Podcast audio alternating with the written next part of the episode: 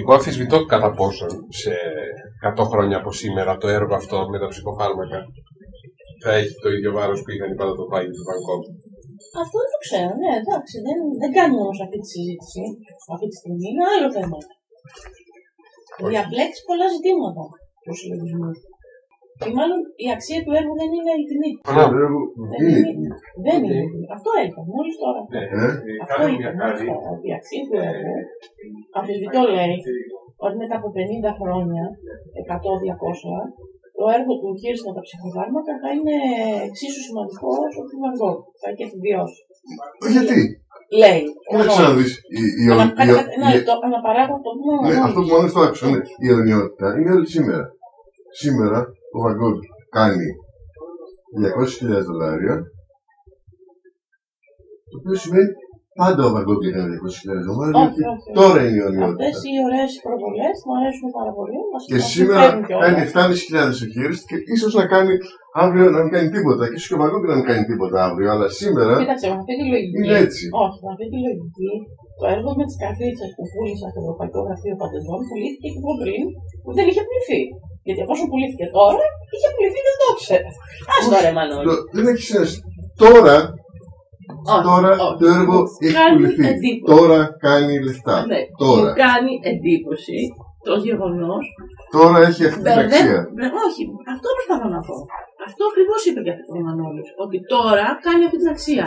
Σε 200 χρόνια μπορεί να μην κάνει αυτή την αξία.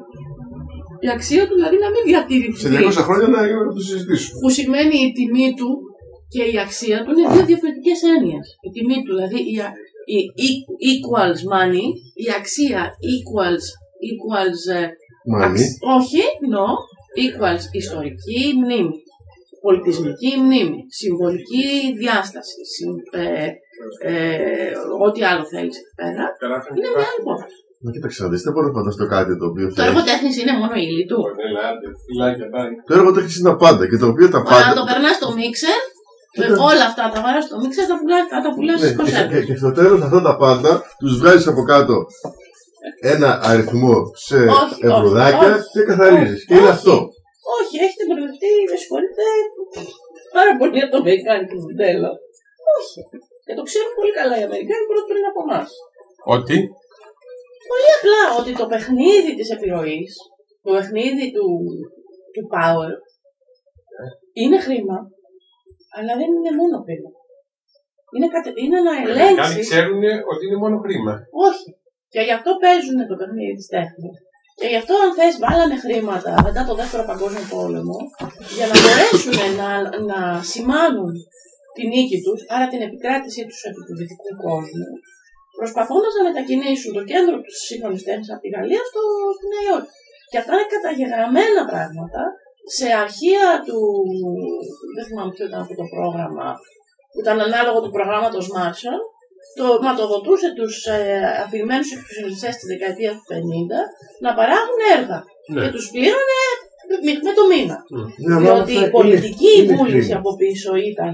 Τα μάρμαρα του Παρθενώνα είναι χρήμα. Μπορεί, μπορεί να είναι πάρα πολλά λεφτά και να- είναι τέτοιο νούμερο που μπορούμε να μην το γράψουμε. Επειδή Αλλά είναι θα χρήμα. τρέχεις Ο πάλι. Παρθενώνα Σαν, είναι σαν, χρήμα. διαδικασία, Τρέχεις πάλι. σαν διαδικασία που ήταν διαφορετική; Την ώρα που ο τύπος του Τάσ Μαχάλ χρηματοδοτεί απίστευτα τους μαρμαροτέτοιους ή ο Περικλής αφώνει όλα στους μαρμαράδες του Μαρ- Παρθενώνα. Την ίδια διαδικασία δεν κάνει, δεν μετατρέπει την ανθρώπινη χειροτεχνία σε power. Ναι. Όχι, αυτό είναι η κατασκευαστική συνθήκη. Η κατασκευαστική συνθήκη είναι ε, ε, ε, έπεται της βούλησης. Το έργο ως βούληση προϋπάρχει. Δηλαδή το να κάνεις παθενόνα ή όχι είναι μεγάλη απόφαση.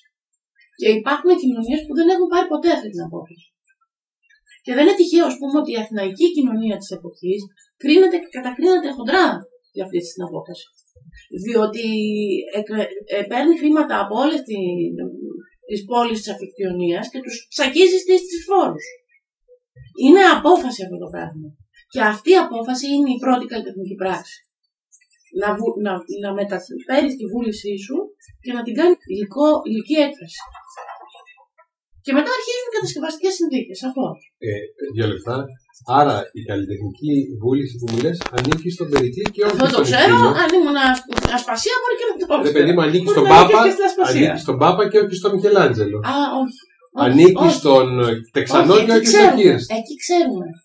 Και αυτό, αν, αν θέλεις, αυτό που εγώ βιώνω. Γιατί είναι και πολύ συχνά διαφορετικό. το έχουμε συζητήσει. Γιατί είναι διαφορετική δηλαδή η βούληση; Απαντήσω. Θα σου απαντήσω. Αυτό που βιώνω και ξαναλέω ότι εδώ μπαίνουν ζητήματα φίλου είναι το ζήτημα της ιδιοκτησίας και το ζήτημα του ελέγχου. Και ποιος είναι αυτός που έχει τα ενία της υπόθεση. Ω γυναίκα, πάρα πολύ απλά, ξέρω ότι αν θες το σώμα μου μπορεί να κοιμονίσει και ένα άλλο σώμα. Άλλο που δεν με ενδιαφέρει να κάνω.